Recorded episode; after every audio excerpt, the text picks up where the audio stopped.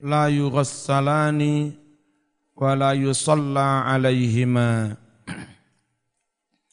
Pasenani utawi ono mayit loro iku la yughassalani ora didusi karone. Wala yusalla alaihima lan ora disolati dua mayit iku.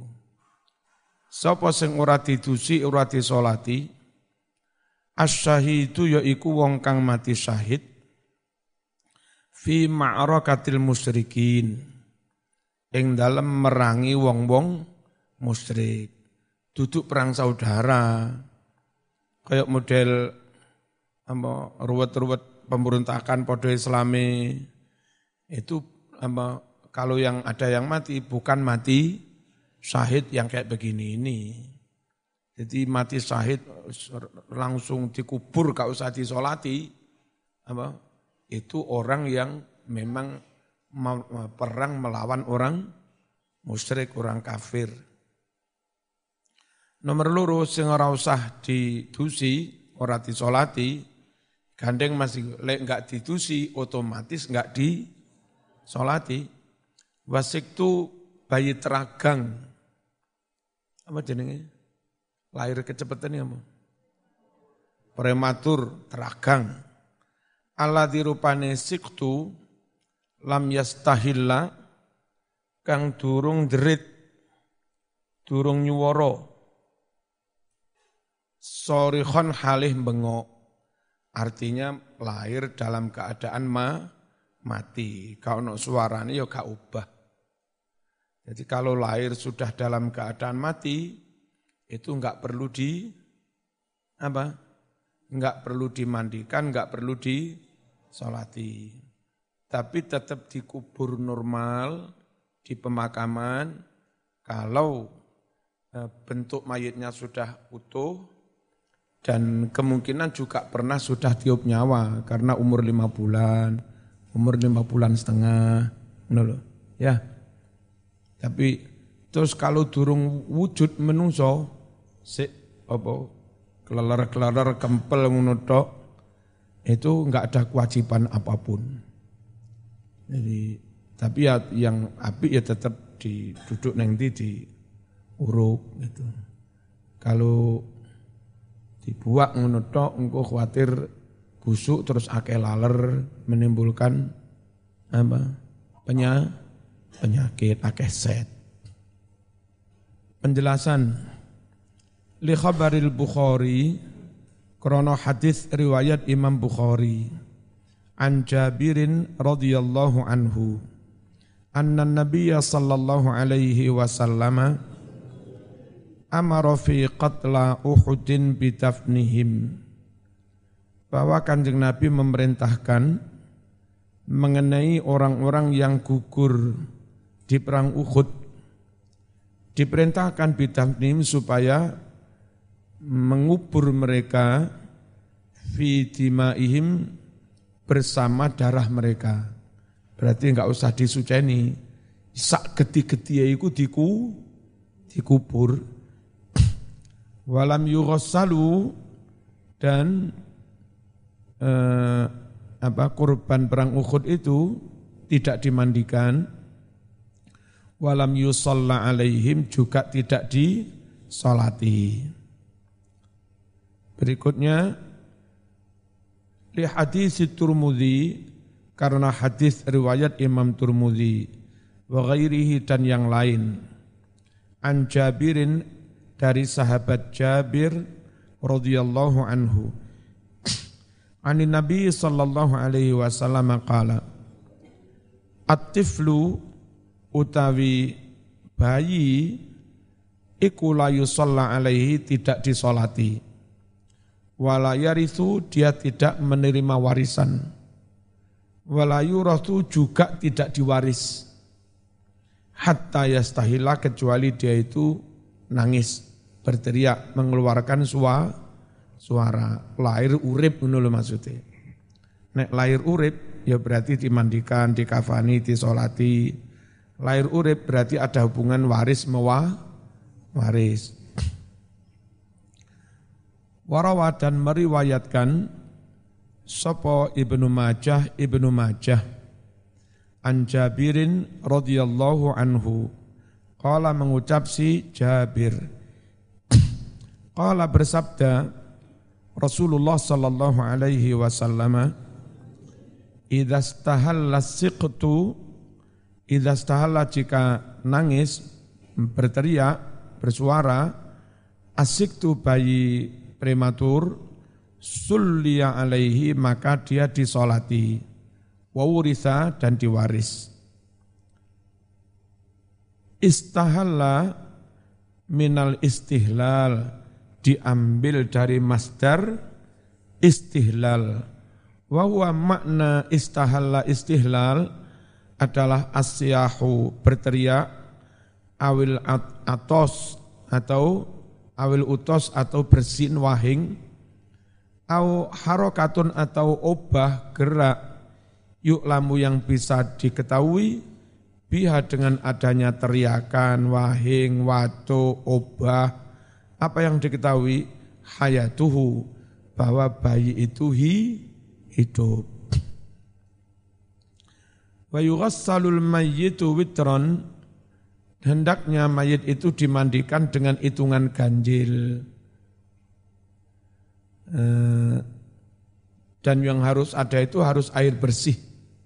Pertama dikerucuk, terus setelah dikerucuk lalu disabun untuk menghilangkan bolot-bolot.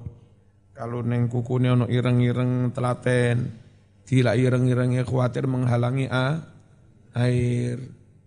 Ya kan? Saya pernah punya pengalaman memandikan bayi durung disunat eh, kalau memang enggak bisa memasukkan air ke kuncup yang belum disunat, ya terpaksa diganti tayam, tayamum. Kalau itu enggak bisa, berarti enggak disolati, kasihan juga. Akhirnya saya mikir, nyun sewu, kan neng jurune kuncup kadang ono gudale kotor. Nah, carikan air hangat, terus pakai ceret ketika itu kurung apa, kurung sum cemprot cros. Pakai ceret air hangat terus di apa? Kelucur neng kono. Ya kan? Berkali-kali kan gudalnya keluar kan. Nah, sampai kita yakin bahwa gudal di dalam itu ber, bersih, terbasuh air sampai dalam-dalamnya juga. Nah, gitu Mas. Itu basuhan pertama, eh, apa? Basuhan kedua pakai sabun, pakai itu. Setelah itu apa dibasuh lagi biar pakai air suci. Mulai ujung kepala sampai ujung kaki jangan sampai kelewatan. Dan itu basuhan yang menjamin sah. Jadi harus apa? air air bening seberapa ukurannya? Sampai banyu sing mili terbuang itu sampai bening. Kalau banyu yang terbuang sik budak berarti seakai sabun yang awake terus dikerucuk sampai banyu sing miliku ben bening. Itu cara memandikan. Nah setelah itu kalau kepingin sunat tambahin sekali lagi, ditambahi wangi-wangi. Banyu dicampuri wangi-wangi, apa kapur baru apa dikerucuk nih. Itu kesunatan. Nah yang kadang-kadang orang memandikan nggak ngerti, dari awal dicampuri banyu, dicampuri wangi-wangi. Sehingga dari awal mandi itu nggak sah, karena dimandikan dengan air yang tidak suci mensucikan. Basuhan pertama campuri kapur barus. Basuhan kedua campuri sabun. Basuhan ketiga campuri kapur barus. Mana yang mutohir? Tohir, mutohir. Jadi hati-hati. Biar benteles terus disabuni, diresiki. Biar ngilai sabun, biar sampai apa ben bening. Kalau kepingin nambah lagi, monggo yang terakhir ditambahi wangi-wangi. Nggak apa-apa. Toh terakhir itu bukan untuk mengesahkan, tapi sekedar apa, kesun kesunatan. Bismillahirrahmanirrahim. Wa yakunu hendaknya ada fi awali ghusli di awal memandikannya sidrun daun bidara. Nek ning Indonesia diganti daun kelor atau di apotek sudah ada obat-obatan yang itu memang untuk melemaskan organ tubuh mayit yang kaku. Kalau mati berjam-jam kan kaku, sikil kaku, nggak kena ditekuk. Nah basuhan pertama itu dicampuri obat yang kalau dikerucuk itu nanti pelan-pelan menjadi lemes kembali. Lek wong desa dicampuri kelor, ya. termasuk kadang-kadang perlu dikebioi daun kelor campur banyu kayak ngetokne susu kadang wong bendang payu rabi dipayak pasang susu dipayak payu-payu ya, itu pelan-pelan iso ditokne pelan dikebioi gawe daun kelor susuk paling mandi ya susuk Jepang ya cimat Jepang wis mandi kabeh. Emang wong desa wis duwe sapi, duwe sawah, terus duwe sekupi anyar wis payu wis. Iku cimat paling jos. Cimat pendang payu rabi. Mbah-mbah itu rata-rata golek calon mantu sing alim, sing ahlu sunnah, sing akhlake api. Ganteng diterima, masih gak elek ya diterima. Wa fi akhirihi dan basuhan terakhir awal dicampur daun bidara biar lemes. Basuhan terakhir syai'un dicampur sedikit mingkafurin dari kafur atau kapur ba kapur barus. Berarti yang bersih suci basuhan yang mana?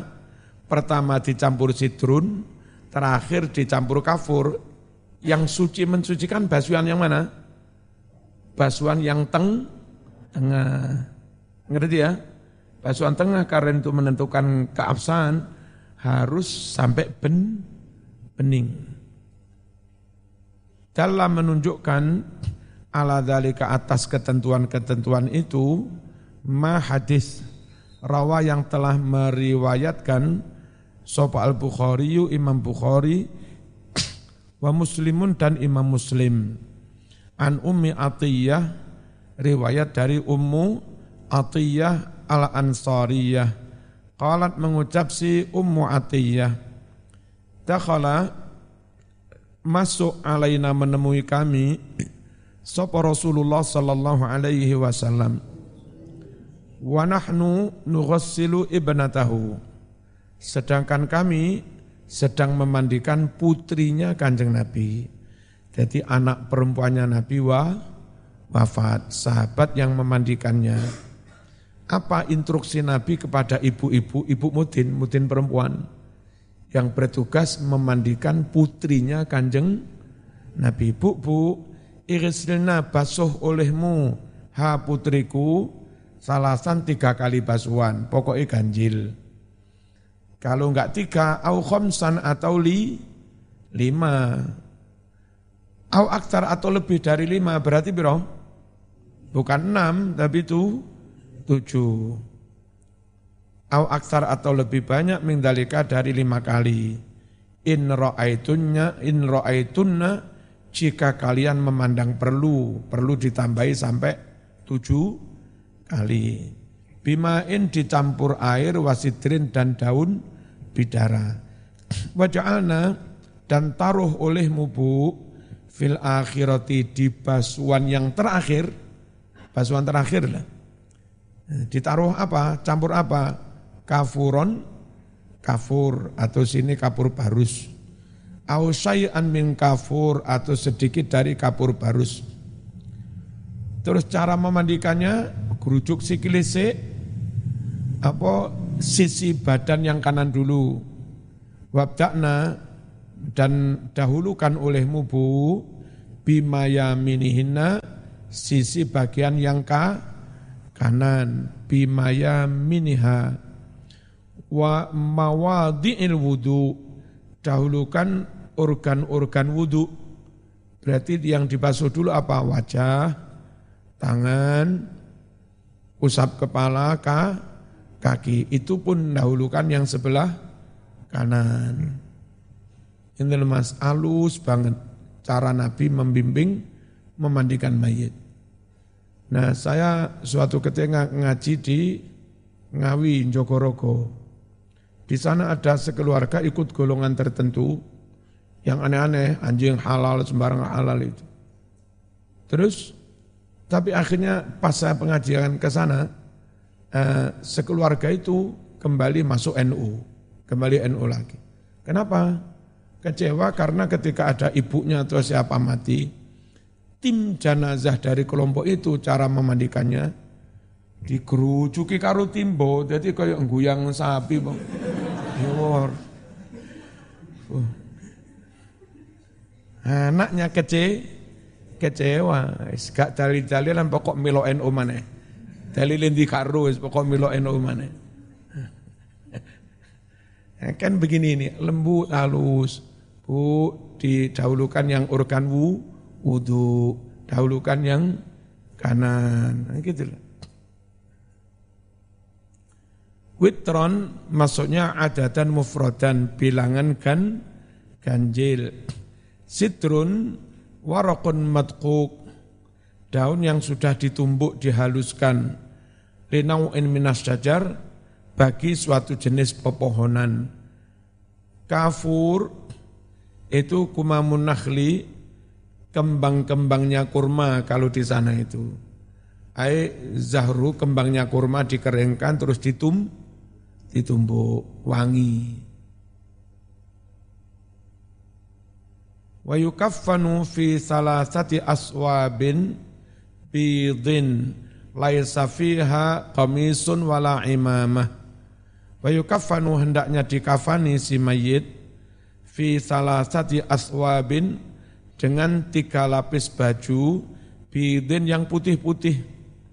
Laisa fiha qamisun yang di sana tidak ada gamis, wala imamatun tidak ada ser, serban. Maksudnya, uh, andai mengkafani dengan tiga lembar, tiga helai kain, itu tiga helai kain full. Kalau zaman pengen nambahi baju yang biasa nggih sholat, itu enggak terhitung dari tiga kain itu. Nah, jangan-jangan wis mau serban, mau sarung, Wae kelambi wis telu ojo ngono ngawur ae. Ya, tiga itu yang kain kafan tok. Terus cara mengkafani itu bukan kok nah, mayit diteleh ngene terus ngene orang ae. Ini kain itu dipotong tiga, kain tiga potong, tiga helai, meja untuk menaruh kain itu sudah bawa paling bawah diberi tali tiga, atas, tengah, bawah. Nanu kain tiga lembar, tiga, tiga, tiga itu ditaruh di atas tali. Paham ya? Kalau kepingin nambah serban karena mungkin kenangan haji umroh, enggak. Nah, mayit ditaruh, pelak, yang serbannya tadi di ini. Ya. Terus kain yang paling atas karek nelangkup ning ini. Sing api baru kain bawahnya telangkup nih mana tapi kain bawahnya telangkup nih jadi ngafan itu mayitnya menengahi. Ora ubah. Aja dingenek-ngenek ngawur ae. Dikulung Mayite ngene ae. Ya. Wis telung kain ditelangkep nih kabeh ngene, kan bawah tadi paling bawah tali dah. Nah, karek nalek ini. Ku carane. Kalau memandikannya sah, mengkafaninya sah, tertutup, baru sah disolati. Dulu pernah ada sahabat Mus'ab bin Umar, um, compang camping kain kafannya melarat dia. Uh, kalau dipakai untuk nutup kepalanya kakinya buka. Dipakai untuk nutup kakinya kepalanya buka. Gimana? Nah yang penting nutupi bagian kepala. Perkara kaki buka sakilan apa ya apa, dicarikan rumputan alang-alang atau apa, terus di bisa ditambah untuk membungkus bagian kakinya, baru disolati. Sahabat itu kadang kehidupannya kayak begitu. Pejuang luar biasa, wafat saja, kain kafan nggak punya. Nah, di NO khawatir ada masalah masyarakat miskin, gak mampu membeli, membeli kafan, akhirnya pakai gotong royong jamaah tahlil itu eh, di samping apa apa namanya bedok gantian itu namanya? Ari arisan itu masih ada urunan kemati kematian sewu sewu setiap tahlilan sewu. Kas kematian itu untuk apa? Kalau di lingkungan RT situ ada yang wafat untuk biaya membayar gaji yang gali itu diambilkan dari kas kematian. Kalau bendoso ini rusak, perlu dielas atau apa, atau ganti bendoso baru, juga diambilkan dari kas kematian. Makanya saya pernah matur, barangkali sama enggak NU, enggak, enggak gelem tahlilan, terserah hakmu. Tapi mohonlah ikut hadir dalam jamaah tahlil, ikut urunan, ikut bayar kas kematian. Sehingga meskipun zaman nggak tahlilan, karena ikut urunan, nanti zaman nun saya punya hak numpak bendoso itu. Iya. Dan andai makammu digali orang, terus eh, biaya galiannya ngambil dari kas kematian, juga hak juga. Nah kalau zaman alasan entah apalah, nggak NU atau apa, nggak gelem tahlilan, nggak gelem urun, kas kematian. Terus apa yang gelundung dewe? Merepotkan orang kampung. Jadi untuk membayar yang gali diambil dari situ. Dia nggak pernah urunan. Ya, terus gimana gitu loh merepotkan. Jadi saya Enggak apa-apa lah sama enggak mau tahlilan sakarmu. Tapi mbok yo ikut urunan, guyupi wong kampung. Boleh kadang wong kampung ono sing mutung. Jadi duduk ka urunan wonge.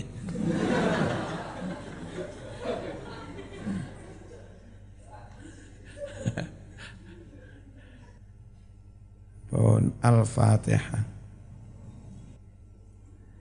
Assalamualaikum warahmatullahi wabarakatuh. Bismillahirrahmanirrahim. Alhamdulillahirabbil. Allahumma salli wa sallim ala sayyidina Muhammad wa ala ali sayyidina Muhammad. Mayit dikafani dengan tiga lapis. Dalilnya Rawa telah meriwayatkan Al-Bukhari Imam Bukhari wa Muslimun dan Imam Muslim an Aisyah radhiyallahu anha qalat mengucap si Aisyah kuffina dikafani sapa Rasulullah sallallahu alaihi wasallam fi salasati aswabin bidin sahuliyah dikafani dengan tiga lapis baju putih sahuliyah kang bongso sahul uh, made in sa sahul. Sahul itu Yaman. Laisa tidak ada fiha di antara tiga lapis, tiga lembar kain itu kaumisun gamis wala imamatun juga tidak ada ser serban. Sahuliyah thiyabun bidun itu kain yang putih naqiyatun bersih la takunu illa minal qutni dia tidak bisa dibikin kecuali dari kapas harus terbuat dari kapas mur murni wakila dikatakan pula sahul itu nisbatun dinisbatkan ila baladin ke suatu wilayah daerah bil Yaman di negeri Yaman. Berarti sahuliyah maknanya buatan negeri sahul. Wa yukabbiru alaihi arba takbirat. Oh, ini benar. Hendaklah orang membaca takbir alaihi untuk mensolati mayit arba'a takbiratin empat kali takbir yaqra'ul fatihah ba'dal ula si musalli orang yang salat hendaknya membaca fatihah setelah takbir yang pertama. Rawa meriwayatkan Al-Bukhari Imam Bukhari wa Muslimun dan Imam Muslim an Abi Hurairah radhiyallahu anhu anna Rasulullah sallallahu alaihi wasallam na'an Najashi fil yaumil ladzi mata fi Nabi mengkhabarkan wafatnya Raja Najasyi di hari raja itu mati di hari itu padahal, padahal turung sung telepon itu apa eh, sananya Yaman itu apa yang kadang kekeringan kelaparan itu? Ethiopia Ethiopia jauh banget dengan dengan Mekah ketika itu dengan Madinah. Tapi anehnya di hari dia wafat Nabi juga menghabarkan mengumumkan ke sahabat ayo kita mensolati Raja Najasyi hari ini dia wafat sholat goib ini sekaligus menjadi dalilnya sholat goib Nah, yang orang di luar NU kadang nggak mau sholat goib. Aneh banget ini, pakai telepon apa? Oh, wes ono seluler ketika itu. Kharaja Nabi keluar ilal musola ke tempat salat. Fasofa lalu Nabi mengatur sof bihim para sahabat. Wakab baro arba'an dan Nabi takbir empat kali. Paham ya? Ini dalilnya apa? Salat mayit itu takbir empat kali. Sekaligus mayitnya jauh. Berarti salat gaib. Salat gaib itu kalau mayitnya di daerah lain. Ya, orang Singosari atau orang Pasuruan mati, salat di Malang itu salat gaib. Nek sek podo kampung ini aja dighaibi paranono ae. Rawa meriwayatkan Al-Bukhari Imam Bukhari an Talhah bin Abdullah bin Auf qala mengucap si Talhah Sallaitu aku salat khalfa Ibni Abbas di belakang Ibnu Abbas maksudnya menjadi makmum gitu loh radhiyallahu anhuma ala janazatin mensolati janazah Faqara'a bi Fatihatil Kitab. Lalu si Ibnu Abbas membaca surat Fatihah. Selesai salat, faqala Ibnu Abbas dawuh liya'lamu annaha sunnah agar mereka pada tahu bahwa kayak begini inilah sunnah tuntunan Rasulullah. Tuntunan tentang, tentang apa? Salat may, mayit wa yusalli ala nabi sallallahu alaihi wasallam ba'da thaniyah dan bersolawat kepada Nabi setelah takbir yang kedua. Rawa telah meriwayatkan Asy-Syafi'i Imam Syafi'i fi musnadi dalam kitab Musnadus Syafi'i. Wan Nasai juga telah meriwayatkan si Imam Nasai bi isnadin sahih an Abi Umamata ibni Sahlin radhiyallahu anhu annahu akhbarahu rajulun min ashabin nabi bahwa Abi Umamah akhbarahu mengkhabarkan kepadanya siapa yang mengkhabarkan rajulun seorang laki-laki dari sahabat Rasulullah sallallahu alaihi wasallam. Anna sunnata fis salat ala janazati bahwa tuntunan Rasul mengenai salat janazah adalah an yukabbirul imam. Hendaknya si imam membaca takbir. Thumma yaqra'a bi fatihatil kitab ba'da takbiratil ula lalu membaca Fatihah setelah takbir yang pertama. Bacanya siron haliliri ojo banter salat mayit dadak auzubillahi minasyaitonir rajim jere mayit sewen.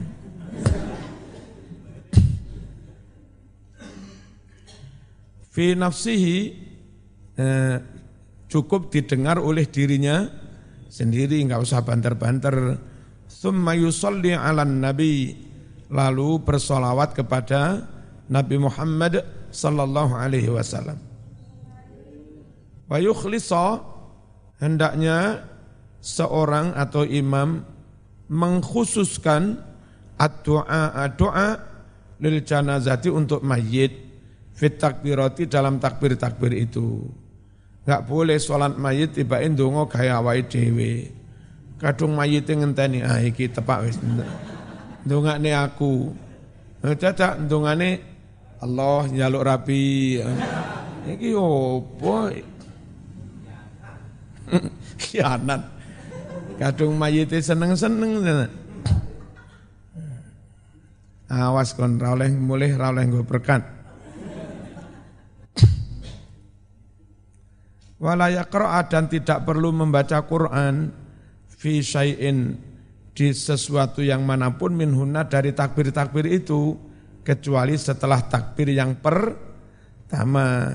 Thumma yusallima kemudian salam siron lirih fi nafsi cukup didengar oleh dirinya. Lek enggak ngimami. Wa yad'u lil mayyit Ba'da salisah hendaknya orang mendoakan mayit setelah takbir yang ketiga. Fayaqulu mengucaplah si orang yang mensolati itu, mengucap ya, Allahumma hadha abduk wa ibnu abdaik. Ya Allah si fulan ini, siapa si fulan ini? Ra'ulah. Tapi yang besok-besok. Besok oleh serapi, bojone papat.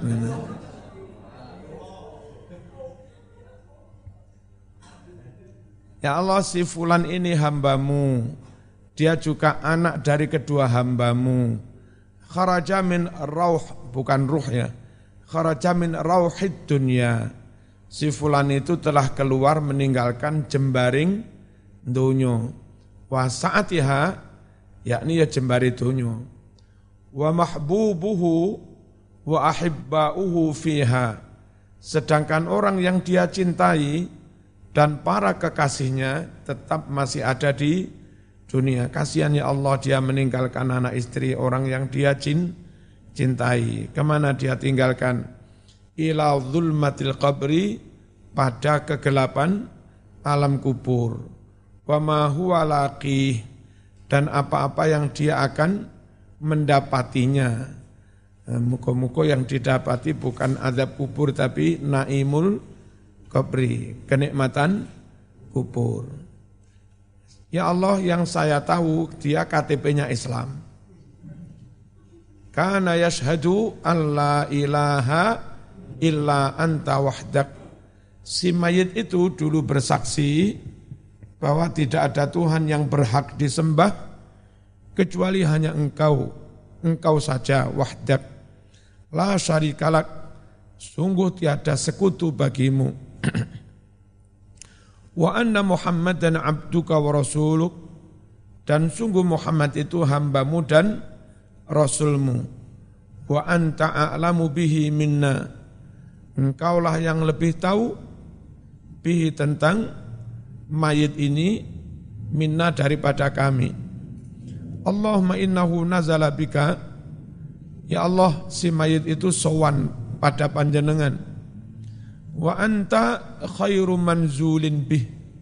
Panjenengan sebaik-baik dat yang diso yang disowani. Wa asbaha faqiran ila rahmatik. Si mayit ini sekarang lagi membutuhkan kasih sayangmu belas kasihmu. Wa anta ghaniyun an adabih. Sedangkan panjenengan tidak perlu mengadabnya. Damel napa Gusti diadab lan opo sih, opo sih perlu dia dianggap betul salah. Waqad ji'naka raghibina ilaik. Sedangkan kami benar-benar datang kepadamu, datang itu mensolati jenazah itu, rohibina halih berharap ilaika kepadamu, syufa'a lahu juga dalam rangka memberikan pertolongan lahu kepada may, mayit. Allahumma in kana muhsinan fazid fi ihsani.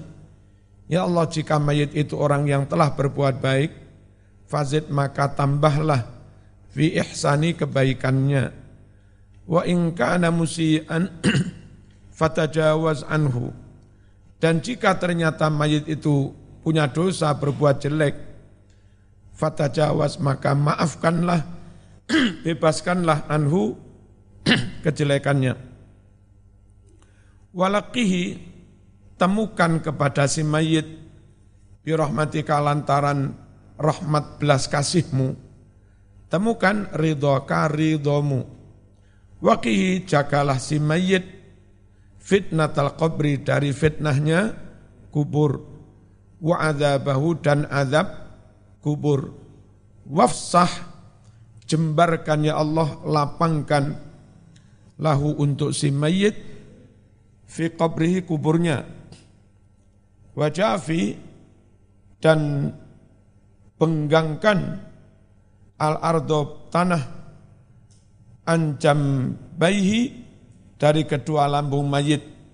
Tanah di bawah itu kalau bisa jangan menghimpit mayit, tapi meng, menggang, longgar. Longgarkan tanah dari lambungnya mayit. Walakihi pertemukan kepada mayit birahmatika lantaran rahmat belas kasihmu dipertemukan apa? Al-amna min azabik, aman terhindar dari azabmu. Hatta taba'athahu, hingga engkau ya Allah membangkitkan mayit di hari kiamat maksudnya aminan dalam keadaan aman ila jannatika menuju surgamu. Birahmatika ya arhamar rahimin. Hadhil ad'iyatu doa-doa salat majid ini iltaqataha memungutnya memetiknya memungutnya dipungut dididik-didik kececeran dipungut. Ha doa-doa itu siapa yang memungut? As-syafi'i imam syafi'i rahimahullah min majmu'il akhbar dari kumpulan berbagai hadis. Warubbama dzakaraha bil makna dan terkadang Imam Syafi'i menyebut doa-doa itu hanya dengan mak maknanya tidak persis disebutlah lafadznya. Wastahsanaha dan menilai baik doa-doa kumpulan Imam Syafi'i itu siapa sahabu para murid-muridnya. Wa asahhu hadisin fil bab hadis yang paling sahih tentang tentang bab mendoakan mayit ini ma adalah hadis rawahu yang telah meriwayatkannya muslimun imam muslim an Auf ibni Malik radhiyallahu anhu qala mengucap si Auf Salam mensolati Sopo Rasulullah sallallahu alaihi wasallam ala janazatin mensolati janazah. Sami'tuhu yaqul, aku dengar Nabi mengucap begini, Allah maghfir lahu warhamhu wa'afihi wa'fu'an. Ya Allah, ampuni mayit, belas kasihanilah mayit, selamatkan mayit, dan maafkan mayit. Wa akrim nuzulahu, muliakan hidangan untuk mayit di surga itu. Wawassi' ada tasdid, wawassi' madkhalahu, jembarkan kuburnya mayit, waghsilhu bil ma'i wasaljin bima'in wasaljin wabaradin. Sucikan mayit dengan air, dengan salju, dengan air embun. Wanakihi bersihkan mayit ya Allah minal khataya dari kesalahan-kesalahan kama yunaqqas saubul abyadu sebagaimana baju putih dibersihkan minat danasi dari kotoran. Wa abtilhu gantilah si mayit ini daron rumah khairan min darih yang lebih baik dari rumahnya. Wa ahlan khairan min ahli dan gantilah dia keluarga yang lebih baik dari keluarganya. Wa zaujan khairan min zaujih dan suami atau istri yang lebih baik dari apa? istrinya. Waqihi jagalah si mayit fitnatal qabri dari fitnahnya kubur wa adzaban nar jaga pula dia dari azab neraka. Oh, begitu lengkap dan baik. Nabi mendoakan si mayit ini. Sampai-sampai Auf yang ikut makmum ngene iki mayiti aku ngono ta Zaman masa ono krungu kiaimu nyolati koncomu dungane wapi Aku pengen cah besok didungan disolati mbah yaiku. Ora ono sing sing aku pengen nyolati mbah yaiku.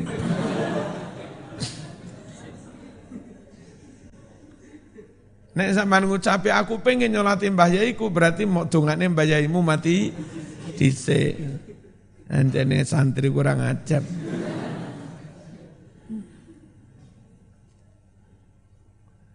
Kala Auf. Mengucaplah si Auf. Fatamanna itu aku berangan-angan. An. Lau kuntu anal mayyit andai akulah mayitnya. Wah, jan. Cawah. Nabi lek ndongakne cek lengkap. Sampai aku angan-angan ngelamun. Andai mayitnya sayang ngono. Wah, sip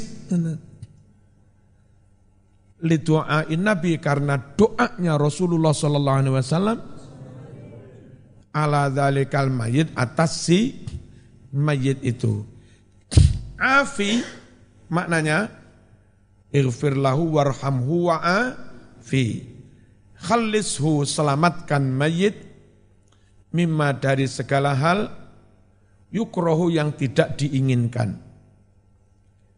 Wama dan hadis rawa yang telah meriwayatkan hu hadis itu sopa at-Turmudzi Imam at-Turmudzi wa Abu Dawud an Abi Hurairah radhiyallahu anhu. An itu huruf cer, abi dicerkan dengan an, majrur, ceri ditandai ya, karena termasuk asmaul khamsah. Abun akhun hamun wafu badu jaro kulun mudofan mufradan mukabbaro. Abi mudof hurairata mudof ilaih jermaneh tapi jari ditandai fathah boleh gak ditanwin kairu munsorib. Gak ditanwin boleh alam nama yang diakhiri dengan tak taknis. Ya kan? Nah, Ijma' wazin adilan anis bima'rifatin rakib wazid ujmatan fal wasfuqat kamula. Radhiya muka-muka ngridoni sapa Allah anhu marang Abi Hurairah. Kala mengucap si Abi Hurairah. Karena wus ono sapa Rasulullah sallallahu alaihi wasallam Ida salla ala janazatin apabila Nabi mensolati janazah Kala Nabi mengucap begini Allahumma gfir lihayyina wa mayyitina Ya Allah ampunilah orang yang hidup di antara kami dan orang yang sudah mati di antara kami. Wa syahidina wa ghaibina. Ampuni pula orang yang hadir hadir dalam acara sholat jenazah itu wa ghaibina dan orang yang abstain yang tidak ha, hadir. Wa saghirina wa kabirina Ampuni pula orang yang masih kecil di antara kami dan orang yang sudah tu, tua. Wa zakarina wa unsana. Ampunilah orang laki-laki di antara kami dan orang perempuan. Allahumma ya Allah, man siapa pun ah ya tahu kau hidupkan dia minna di antara kami fa'ahyihi maka hidupkan dia itu ya Allah alal Islam hidup atas agama Islam Muka-muka Eropa podo akeh masuk Islam ya. Amerika, Italia, Jerman, Spanyol, Inggris, Prancis, muka-muka akeh sing mlebu Islam. Siapa tahu bihaqillah, tapi syafaati Nabi, nanti Roma akan menjadi pusat Islam di Eropa. Ya, muka-muka ya lah. Nah, Benediktus mlebu Islam. Waman dan barang siapa pun ya Allah, tawafaitau kau wafatkan dia itu, minna di antara kami, fatawaffahu, maka wafatkan dia ya Allah, alal iman, wafatkan atas iman. Wa yaqulu fir rabi'ah, hendaknya orang mengucap setelah takbir yang keempat, Allahumma la tahrimna ajurahu, wa la taftinna ba'dahu, waghfir lana walahu. Ya Allah jangan kau halangi dari kami ini ajrahu pahalanya mayit. Eh, apa? Kita minta supaya doa kita nyampe ke mayit, jangan dihalangi. Nah, semestinya kalau orang itu nyolati mayit doanya kayak begini, sangat tidak elok kalau orang itu punya keyakinan doa orang hidup kepada mayit nggak nyampe. Kalau orang meyakini seperti itu, doanya enggak nyam, enggak nyampe. Tapi dalam sholat mayit dia mengucap, Ya Allah jangan kau halangi pahala untuk si mayit. Ini repot. Keyakinannya yakin enggak nyampe, tapi ini ngucap, jangan kau halangi pahala supaya nyampe ke mayit. Ini sing dituruti lambene apa? Ngerti ya? Makanya kalau di NU yakin nyam, nyampe. Jangan kau halangi kami atrahu pahala mayit. Wala taftinna ba'dahu. Jangan kau fitnah kami setelah matinya mayit ini. Ini menginspirasi Muslim Jawa, mungkin juga yang lain. Doa setelah takbir keempat, jangan kau fitnah kami, Jangan kau beri musibah kami pasca wafatnya mayit. Itu sering tali kejadian, maaf, naudzubillah min dalik, pondok atau yayasan lembaga besar. Setelah sesepuhnya situ, ini gegeran rebu, rebutan jadi fitnah. Orang kaya raya situ, anak gegeran rebutan warisan. Ono wong duwe bojo papat ayu sik nom-nom. Mati. Akhirnya bojo papat digawe rebutan wong akeh geger. Itu fitnah, musi, musibah. Sementara sodako itu juga berfungsi kayak tolak bala. As-sadaqah tadfa'ul bala. Sodakoh kayak tolak bala. Paham ya? Nah kebiasaan kita kalau ada orang mati karena doa seperti itu mengindikasikan akan ada apa huru hara kan? Akan ada fit fitnah. Maka ada ikhtiar untuk menolak bala itu. Caranya dengan bersedekah. Nah karena sodako itu di samping niat ganjaran untuk mayit juga niat untuk tolak bala ben selamat. Makanya lalu orang menyebutnya sedekah itu sodakoh ben selamat. Selamat selamatan. Ojo diarani syukuran. Oh iki syukuran bapakku mati, ojo ngono. Ngawur ae. Senajan dari satu sisi kadang sodako itu untuk niat syukuran. Tapi kali ini jangan diniatkan untuk syukuran. Niat kayak tolak balak ben selamat. Makanya terus neng Jawa diarani selamatan. Ngerti ya? Sik to sing ikhlas ta.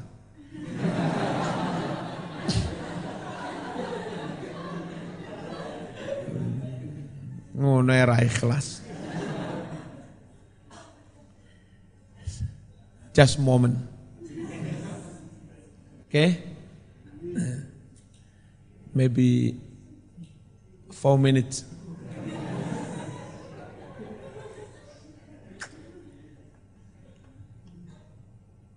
Basa Madura iki. Waghfir lana walahu. Ampuni kami ya Allah dan ampuni pula si mayit. Rawa meriwayatkan hu hadis ini Abu Dawud bilafzi tapi dengan lafad wala tudillana ba'dah. Jangan sesatkan kami setelah wafatnya si mayit. Mungkin ini lebih pas kalau mayitnya orang alim, dia wafat, lah siapa yang bimbing kita? Wala tudillana ba'dah. Jangan sesatkan kami pasca wafatnya si kiai ini. Kalau mayitnya orang kaya raya, nah, itu tadi wala taftinna. Jangan kau fitnah kami setelah wafatnya itu. Ini ya, mayitnya Pak Lurah, wala taftinna karena Pak Lurah mati geger masyarakatnya. Pak Lurah wali kota, apa sing mati wali kota, masyarakatnya geger. Pakai kalimat wala taftinna. Kalau yang seto ulama gede wala tudillana. Kalau yang seto ulama gede bojone ayu.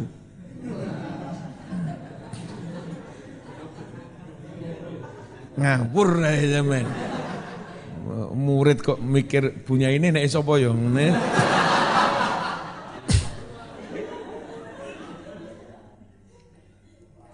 Muni jawabnya ya ono tabarukan yi.